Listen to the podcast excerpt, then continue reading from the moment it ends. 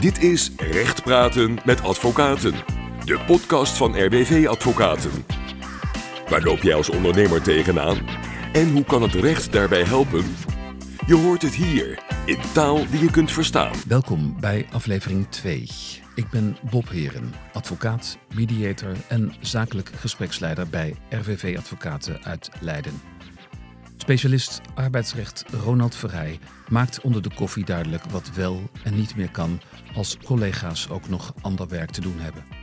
En ik heb het met Ronald over wat je allemaal kunt verwachten als de rechter uitspraak moet doen in een conflict. Mijn hoofdgast is Marianne Beer, HR-adviseur van Van Rijnbouw uit Katwijk, een echt familiebedrijf. Opgericht in 1971 door de opa van twee van de drie directieleden van nu, die samen met hun compagnon actief zijn in nieuwbouw, projectontwikkeling, onderhoud, renovatie en verbouw.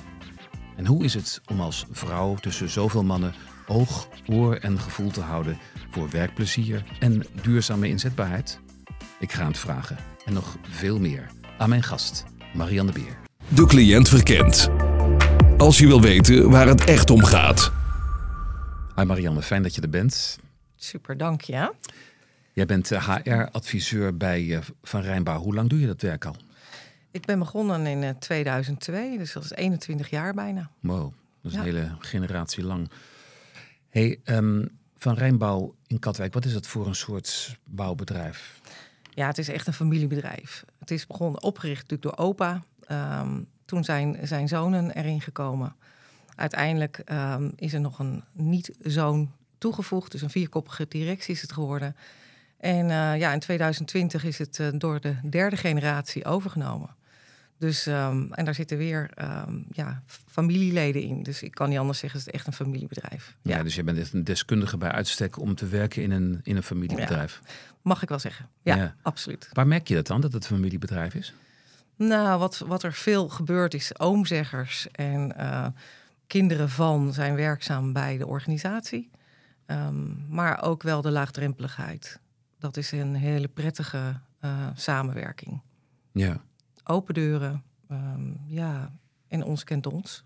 Iedereen kan zo bij de directie naar binnen lopen, ja, hoorde ik ergens in een filmpje ook. Uh. Ja, klopt. klopt. Ja. Zijn er ook nadelen aan verbonden aan zo'n familiebedrijf? Uiteraard. Um, natuurlijk is het zo dat men in elkaar in het weekend ook tegenkomt. Dus het, dat betekent wel eens dat er uh, ja, dingen besproken worden die eigenlijk op kantoor ge besproken hadden moeten worden, maar ge nu gebeuren in het weekend. En dat is uh, wel eens jammer. Ja. Um, ja, verder moet ik zeggen, ik hou gewoon van familie. Dus ik, voor mij is het helemaal prima. Ja, het is een soort warm bad eigenlijk voor Ja. om in, in te werken. Ja. En wat, wat doet een, een HR-adviseur eigenlijk? Althans, bij dit bedrijf? Precies wat je zegt. Adviseren. Adviseren, ja, precies wat je zegt. Adviseren. Um, ik mag me met uh, heel veel bemoeien. Ik um, kan in ieder geval tips geven. Uh, dat is vooral mijn rol. Uiteraard doe je een stukje case management. Ben betrokken bij de werving en selectie. Um, maar ook als het gaat over een stukje strategische planning. Waar gaan we naartoe straks? Uh, we zijn uh, op dit moment het strategisch plan aan het herschrijven. En uh, nou ja, daarom hebben we onder andere ook de medewerkerstevredenheidsonderzoek gedaan. Een paar jaar geleden. We hebben hem nu herhaald. Ja, dat is echt super. Daar ben ik echt uh, heel blij mee. Ik kijk er ook echt naar uit wat, eruit, wat de uitkomsten zijn en hoe we weer verder kunnen. En wat maakt dat jullie zo'n medewerkerstevredenheidsonderzoek hebben laten uitvoeren? Nou, de eerste keer was in 2019. Um, en toen hebben we gezegd van we willen toekomstig gerichter gaan kijken. Toen was nog niet de nieuwe directie actief. Maar waren natuurlijk wel bezig om ja, zich nog eigener te maken in het bedrijf. En dat is de reden geweest dat, uh, dat er is gezegd van laten we uh, eens een, een doorsnee maken. Uh, en zo hebben we die keuze gemaakt. En uh, de oude directie stond daar gelukkig ook voor open. En dat is eigenlijk voor hun een heel goed startmoment geweest. En wat hebben jullie van geleerd van dat, van dat medewerkerstevredenheidsonderzoek? Ja, verschillende dingen. We hebben als eerste onze functieprofielen op de schop gegooid. En we hebben gezegd, uh, we willen veel meer kijken naar... Joh, wat, wat, wat kunnen de medewerkers nou? Waar zijn ze goed in? En waar kunnen we ze in meenemen? Um, we zijn natuurlijk in Nederland, we zijn verwend. Hè? We gaan achterover zitten en we worden gestuurd door de overheid. En nu is het eigenlijk meer de bedoeling hebben gezegd van... joh, we willen dat medewerkers gaan nadenken. We willen scholingsbudgetten beschikbaar stellen. We willen dat, um, ja, dat de mensen gewoon gezond hun pensioen halen, dan wel natuurlijk met pensioen kunnen. En, eh, en hoe kunnen we dat doen? Dus ehm, het oude profiel van, nou ja, je past alleen maar in het plaatje en dat is jouw, jouw uh, daar moet jij je binnen bewegen. Dat is veranderd. Uh, wat we nu merken is dat we gewoon echt medewerkers meenemen. En die, we hebben een uitvoerder, die is uh, inmiddels is die op kantoor terechtgekomen en is betrokken bij een stuk nazorg. Ja, dat is fantastisch, iemand met zoveel kennis en kunde. Maar wellicht niet meer goed in staat was om buiten op de bouw te lopen. Hebben we nu binnen een plek kunnen bieden. Die plek was er in eerste instantie niet, maar we hebben gezegd, ja, we willen hem niet verliezen. Nee. Dus we doen er wat mee. Dus jullie zijn eigenlijk uitgegaan van wat de mensen goed kunnen, wat ze, wat ze leuk vinden, wat ze energie geeft. En zo heb je ze ingepast in de, in de organisatie. Ja, correct, precies. En die functieprofielen heb je dus zeg maar um, ja, in samenspraak met de, met de werknemers ingevuld? Ja, we hebben een bureau in, in de arm genomen, die heeft ze echt geschreven. Maar dat hebben we gedaan door middel van interviews joh, wat doe je nou? Uh, waar, waar, waar, ben je goed in? Uh, wat heb je nodig om het werk te doen? En zo zijn de profielen opgezet. En daardoor is er een, uh, een, een ontwikkelgesprek vindt er plaats. En als mensen zeggen van joh, ik wil echt heel graag een nieuwe functie gaan doen of ik wil me daar en daarin verder ontwikkelen, maak je een pop. En, en op die basis komt er een, een budget. En aan de hand daarvan ja, kan je groeien. Ja, een pop is een persoonlijk ontwikkelingsplan of zo. Ja, ja. ja precies. Mooie naam. Ja, hey, en nou hebben we tegenwoordig natuurlijk vaak ook in de HR-business over um, duurzame inzetbaarheid. Hè? Want, want, jullie hebben volgens mij ook nog wel best wel wat zware beroepen in het, uh, in het bedrijf. Ja, zware beroepen heb je hebt het geestelijk, maar je hebt natuurlijk ook lichamelijk. En nou ja, wat je merkt is dat de, de buitendienst, zal ik maar even zeggen, die, uh, hun werkzaamheden zijn wel veranderd in de loop der tijd. Je mag niet meer zo zwaar tillen, er zijn heel veel hulpmiddelen beschikbaar. Um, en heel veel komt al kant en klaar uit de, uit de fabriek, waardoor er meer een montage plaatsvindt. Er wordt ook heel veel uitbesteed. Um, nou ja, en ook voor deze jongens hebben dezelfde gesprekken. Van wat, waar wil je naartoe? Dus op dit moment is er een, uh, een timmerman die, die gaat zich omscholen naar assistent-uitvoerder, dan wel uitvoerder. Uh, heeft daar computercursussen voor nodig, gaat straks weer naar school. Nou, dat is echt wel, denken wij, heel erg noodzakelijk om um, ja, om, om gezond je uiteindelijk de eindstreep te halen. En die ontwikkelgesprekken, hoe vaak voer je die met de mensen? Um, in principe heb je ze één keer per jaar uh, als een vast gegeven. Uh -huh. uh, en als je besluit om een opleiding te doen, dan volgen wij de medewerkers meer. Dan is het echt hoe gaat de training of de cursus of de opleiding? Heb je er ondersteuning bij nodig? Soms moeten ze opdracht op kantoor doen of juist buiten. En, um, en dan vindt er nog een eindgesprek plaats. Het interessante is dus dat er is ook wel een discussie gaande over de vraag of je wel of niet functioneringsgesprek moet houden. Hè. De, om, wat men zegt van ja, um, het is een beetje negatief, hè, dat, je, dat je er alleen maar van uitgaat wat mensen niet goed doen. Maar, maar als ik jou goed begrijp, kijken jullie naar wat mensen wel goed doen en, en voer je die gesprekken met iedereen elk jaar? Ja, klopt, juist. Het is natuurlijk heel, van, heel, heel goed om wel te kunnen uitspreken van hé, hey, dat, daar kan je nog in groeien. Maar het is maar net hoe je het zegt. C'est ja. muziek. Ja, precies. Ja, ja inderdaad. Ja. Herformuleren, omdenken misschien. Ja, uh, omdenken, om de mensen zich beter te laten voelen. Ja, en ja. dat is best lastig, hè? Want we ja. zijn jaren gewend geweest om uh, te zeggen: dit doe je goed en dat doe je fout. Dus het is ook, wij hebben onze leidinggevende geschoold uh, om heel bewust hoe doe je een vraag stellen, uh, hoe, haal je de, hoe haal je het gesprek open. En, uh, want ja, we zijn erg gewend om te wijzen. Ja. Zit misschien ook wel in de mens. Ja, precies. Ja. Om open vragen te stellen, niet, niet de vraag te stellen waarin het antwoord al besloten precies, ligt eigenlijk. Ja. Ja. Hoe, hoe vinden de mensen dat, die, die ontwikkelgesprekken? Um, nou, ja, wat je merkt is dat we hebben het nu, uh, de cyclus zijn, zijn we net mee begonnen, wat het, dat het beter gaat, laat ik het zo benoemen. Het, uh, het omdenken is ook vanuit de medewerker. En de medewerker moet gaan nadenken over hoe zie ik mijn toekomst en, en wat wil ik eigenlijk. Ja. En dat is echt wel een proces. Dat gaat niet vanzelf. En we hebben voor de buitenjongens gekozen om twee uitvoerders, uh, dat die de gesprekken met alle buitenmedewerkers voeren. En dat maakte dat het een, uh, een veel opener gesprek ging worden. Die waren gecoacht, die uh, zijn ook gewend geweest vanuit vroeger om echt mentor te zijn. En dat is, ik denk, een goede, goede slag geweest. En binnen bij op kantoor, noem ik het maar, um, ja, daar doen gewoon de leidinggevenden van de afdelingen de gesprekken.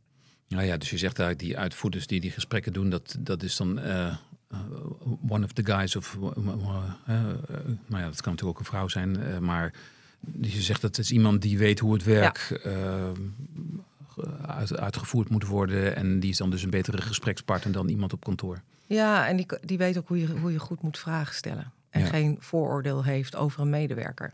Nee. We hebben inmiddels wat, wat nieuwe, nieuwe collega's binnengekregen op, binnen het uitvoerderschap. En uh, dat is denk ik een hele goede zet geweest. Ja, een hele moderne ontwikkeling. Ja. Hey, nou, heb jij het, um, ik heb een interview met jou gelezen en dan zeg je van ja, um, het gaat erom om te ontdekken waar mensen voor, uh, s morgens hun bed voor, voor uitkomen. Um, dat sluit denk ik ook wel een beetje aan bij een, een actuele vraag die uh, ja, op het juridische uh, betrekking heeft. Namelijk de vraag van in hoeverre uh, kun je mensen toestaan om nevenwerkzaamheden te verrichten. Speelt dat bij jullie in het bedrijf ook? Uiteraard, ja. Er zijn collega's die zijn binnengekomen. Die had, eentje had er bijvoorbeeld een poffertjeskraam.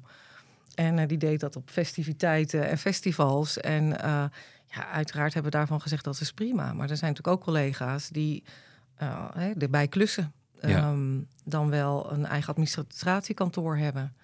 En, en ja, wat is de werkelijke motivatie voor, van iemand? Heel belangrijk. Ja. Nou ben je natuurlijk hier bij een podcast van RWV-advocaten. Dat gaat natuurlijk ook over juridische zaken. Uh, naast jou, tegenover mij, zit mijn uh, collega Ronald Verheij. Laten wij even een bakje gaan doen. En dan vraag ik aan Ronald om eens iets te gaan vertellen over um, hoe het met het recht zit en met nevenwerkzaamheden. Oploskoffie. Pasklare antwoorden in de tijd van een bakkie. Sinds 1 augustus 2022 zijn er nieuwe regels voor hoe je moet omgaan met werknemers die nevenwerkzaamheden doen of willen gaan doen. Werk dus naast wat je voor je werkgever doet. Nou, wat is er nu veranderd? Vroeger, dus voor 1 augustus 2022, mocht een werkgever nevenwerkzaamheden eigenlijk gewoon verbieden. En dat gebeurde dan door een beding in de arbeidsovereenkomst. Sinds 1 augustus mag een werkgever alleen bepaalde nevenwerkzaamheden verbieden. En dan alleen als daar een goede reden voor is. En dan moet je bijvoorbeeld denken aan de volgende situaties. Als je nevenwerk gaat doen waarmee je de werkgever, je eigen werkgever, beconcurreert. Of als je daardoor vertrouwelijke informatie van de werkgever gebruikt. Of als je nevenwerk doet dat ongezond of onveilig voor je is. Als je daar samen niet uitkomt, moet de rechter eraan te pas komen om te bekijken of zo'n verbod op nevenwerkzaamheden gerechtvaardigd is. Hoe moet je als werkgever hiermee omgaan? Het beste wat je kunt doen is omdenken. Dus zeker niet meer alles verbieden, maar nagaan waarom de werknemer werkzaamheden wil of soms ook moet doen. Zoek dus naar de voordelen van nevenwerk voor de werknemer. Bijvoorbeeld omdat hij daardoor extra voldoening krijgt, of daarmee extra vaardigheden ontwikkelt, wat weer voordelig is voor zijn of haar werk bij jou. En zoals eigenlijk altijd is het essentieel om open te communiceren over nevenwerkzaamheden. Als je weet wat voor nevenwerk een collega kan of wil doen, kun je er beter gebruik maken van de talenten van jouw personeel. Misschien kan de werknemer die andere vaardigheden wel inzetten voor een bedrijfsproject. Of kan bijvoorbeeld een voetbalcoach zijn leiderschapservaring toepassen in een andere functie binnen het bedrijf. Het is belangrijk om regels op te stellen die duidelijk maken hoe je als werkgever met nevenwerk omgaat. Je kunt werknemers verplichten om te melden welke nevenwerkzaamheden ze al doen of willen gaan doen. En wat je als werk werkgever wel en niet toelaatbaar vindt. Duidelijke regels hebben effect omdat iedereen weet waar hij of zij aan toe is. En dat komt weer te goede aan de sfeer, waarbij je natuurlijk wel erop moet letten dat die regels consequent worden nageleefd. In het algemeen is het voor de werkgever aan te raden om flexibel te zijn of te worden als het gaat om het plannen van werkuren. Werknemers met een goede balans tussen werk en privé zijn gelukkiger en daardoor productiever en meer betrokken. En dat levert voor jou als werkgever ook weer meer op. De conclusie? Denk na over flexibele werktijden, thuiswerkmogelijkheden en ruimte voor zelfstudie of persoonlijke ontwikkeling. Blijf in gesprek, communiceer open over wat jij en de ander nodig heeft. En check je arbeidsovereenkomst en reglementen. Want heldere regels kunnen voorkomen wat je anders op een kostbare manier moet repareren.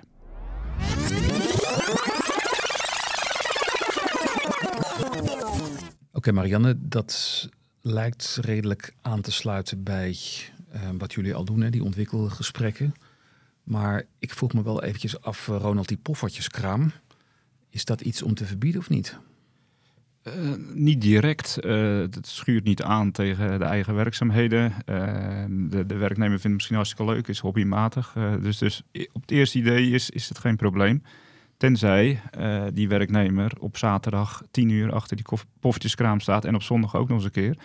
Ja, en, en hoe lang houdt zo'n werknemer dat vol? En, en dan is het natuurlijk wel een dreiging dat hij misschien toch uitvalt op een gegeven moment.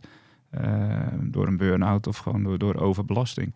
En dat is een van die gronden waarop je nevenwerkzaamheden kunt verbieden. Dat is als het onveilig of in dit geval denk ik ongezond wordt. Eh, omdat er gewoon te veel gewerkt wordt door zo'n uh, werknemer. Dan heb ik wel een vraagje. Mag je dat controleren als werkgever? Um, nee, niet, niet op de uren. Dus dat, dat is ook een, een, stukje vertrouwen. Uh, van uh, ja, wat, wat, uh, wat, wat doe je? Hoe gaat dat? Doe je dat ieder weekend? Doe je twee keer in het weekend? Of, of, of is dat één dag? Hoeveel uur? Dus dat is de opene communicatie waar we het net over hadden. Uh, dat is heel belangrijk. Uh, maar, maar, verder, ja, echt controle. Ja, je kan natuurlijk zelf naar zo'n festival gaan kijken hoe lang die er staat. Maar dat doe je ook niet ieder weekend. Dus dat is die opene communicatie en een stukje vertrouwen.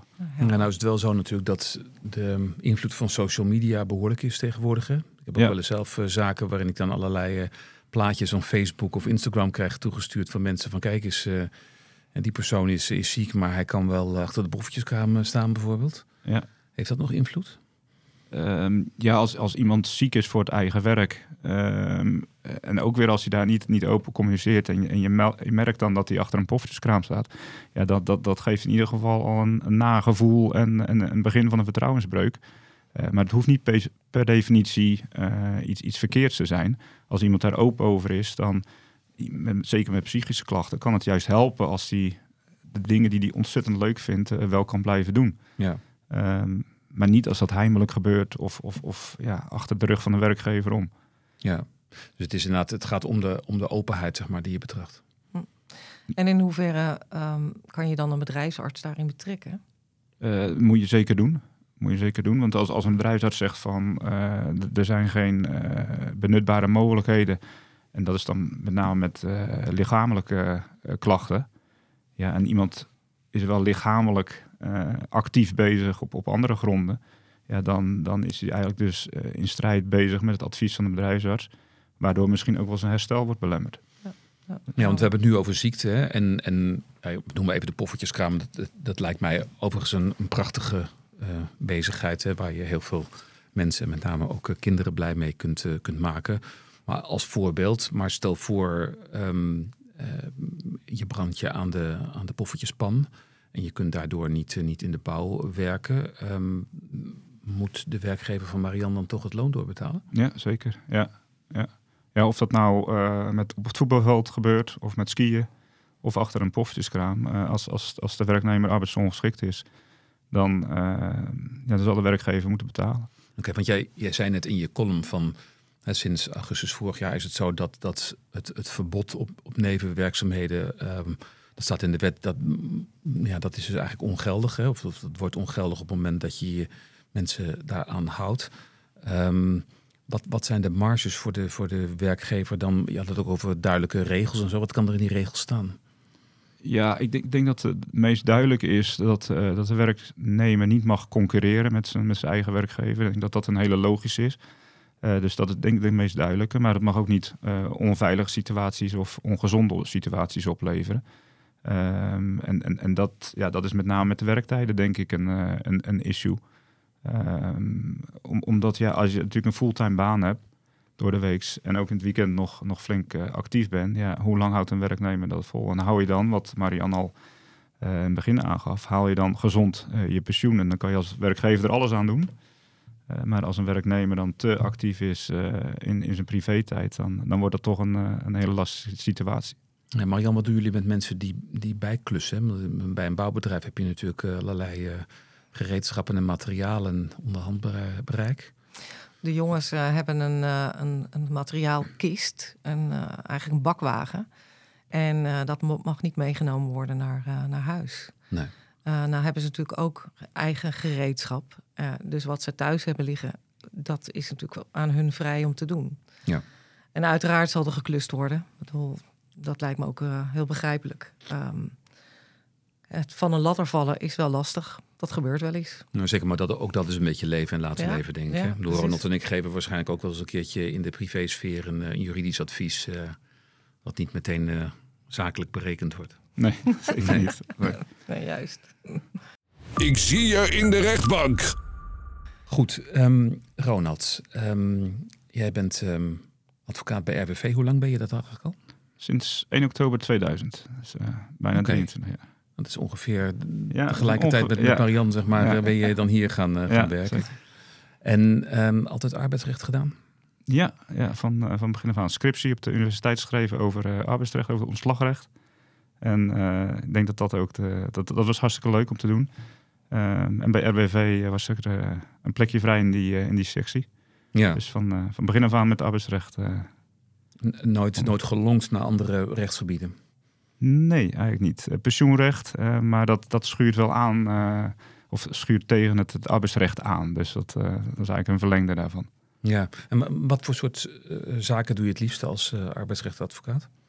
Ehm, nou, ont- ontslag is, eh, ja, leuk is dan een verkeerd woord natuurlijk, maar dat is, eh, dat is altijd wel spannend. Er staat veel op spel. Ehm, maar, maar ook procederen over concurrentiebedingen bijvoorbeeld. CAO-discussies eh, kunnen heel interessant zijn en, en, met, met grote belangen. Ehm, maar eigenlijk alles van het, van het arbeidsrecht, ja, dat, dat is gewoon heel interessant en, en heel leuk. Eh, ook omdat bijna iedereen daarmee te maken heeft. Eh, dus, dus het, het staat heel dichtbij je en, en Ja. bij andere mensen. Nou, kan ik me natuurlijk voorstellen dat eh, er een conflict ontstaat op een, op een werkvloer en dat je daarmee naar de rechter toe moet. Bijvoorbeeld over nevenwerkzaamheden. Kun je daar iets over vertellen over hoe dat, hoe dat gaat? Wat, wat een werkgever dan moet doen? Ja, nou, een on- on- conflict ontstaat meestal niet zomaar. Eh, het heeft meestal al een, een, een behoorlijke aanloop. En daar zit HR dan eh, vaak is er al bij betrokken. Eh, maar op een gegeven moment komt een werkgever er dan misschien echt niet uit en, eh, of, of, of escaleert het. Ehm, ja, en dan, dan komen wij in beeld. Eh proberen het ook nog op te lossen samen met de werkgever. Maar als het echt niet lukt, bijvoorbeeld in een ontslagsituatie, ja, dan moet de volgende stap genomen worden. En dan wordt er een, een verzoekschrift ingediend, tenminste opgesteld en dan ingediend bij de rechtbank. Ehm, waarna de rechtbank een datum gaat bepalen waarop eh, iedereen aanwezig moet zijn. Dus eh, de werkgever met, met de advocaat en werknemer met de jurist of advocaat. Ehm, iets voor die zitting, tien dagen, eh, mag de werknemer dan zijn verhaal indienen, eh het zogenaamde verweerschrift. En eh, die twee stukken gaat de rechter lezen. En die worden dan op de mondelinge behandeling, noemen we dat. Dat is de zitting bij de rechter. Eh, worden die stukken behandeld, heeft de rechter natuurlijk een hoop vragen. En gaat de rechter het nog proberen op te lossen. Eh dus worden we gewoon de gang opgestuurd. Ja. Dat maar. Ehm, en, en lukt dat, nou dan, dan, dan is dat mooi en dan eh, legt de rechter dat vast. Eh, lukt dat niet, ja, dan, dan is de rechter aan zet ehm, en, en zal er over het algemeen een uitspraak komen. Waar, en daar hebben partijen het dan mee te doen.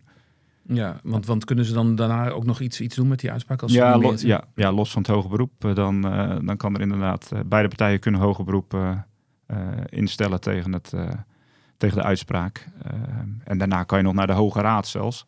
Eh, de ervaring leert dat, dat de meeste zaken eh, of op de gang eh, worden opgelost, of de partijen uiteindelijk wel eh, de uitspraak van de, van de rechter accepteren. Maar hoger beroep, eh, ja, misschien in 10% van de gevallen, eh, wordt, wordt, ja, die, die mogelijkheid is er en, eh, wordt ook gebruik van gemaakt. Ja, maar je zegt eigenlijk van het is het, eh, het beste om de zaak van tevoren eh, te regelen.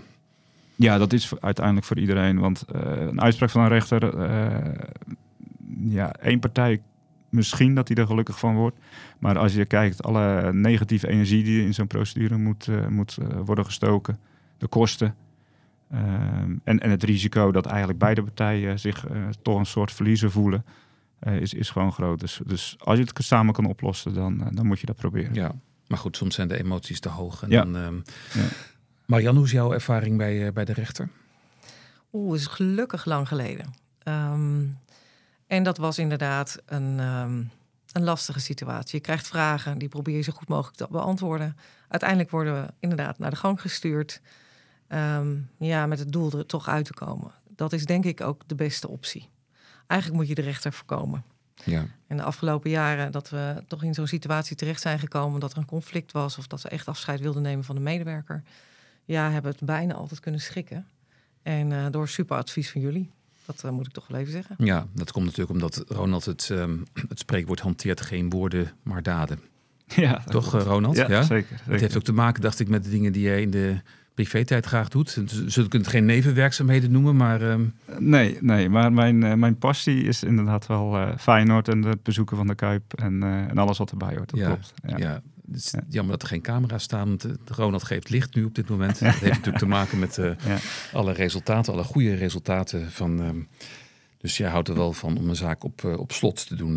ja, dat is een mooie woordspeling. Ja, precies. Ja. Oké, okay, um, Marianne. Um, Jij hebt het erover dat uh, je het belangrijk vindt om bij de mensen erachter te komen waar ze s morgens hun bed voor uitkomen. Waar, waar kom jij zelf graag je bed voor uit? Oh, oh voor verschillende dingen. Ja. Um, ik hou ontzettend van zingen. Ik okay. uh, vind koken leuk. Um, en ik hou van mijn gezin.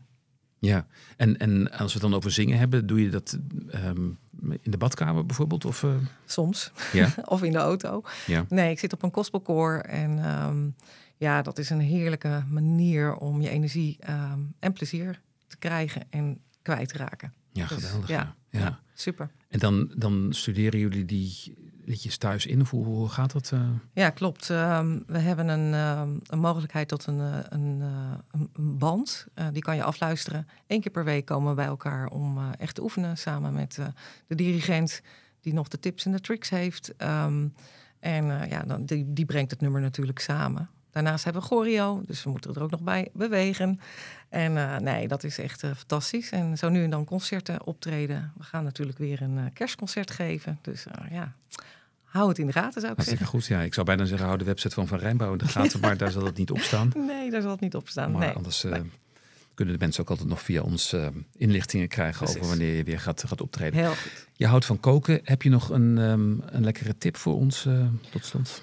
Oeh, ik heb uh, een heerlijke zalm uh, gemaakt, op de huid gebakken.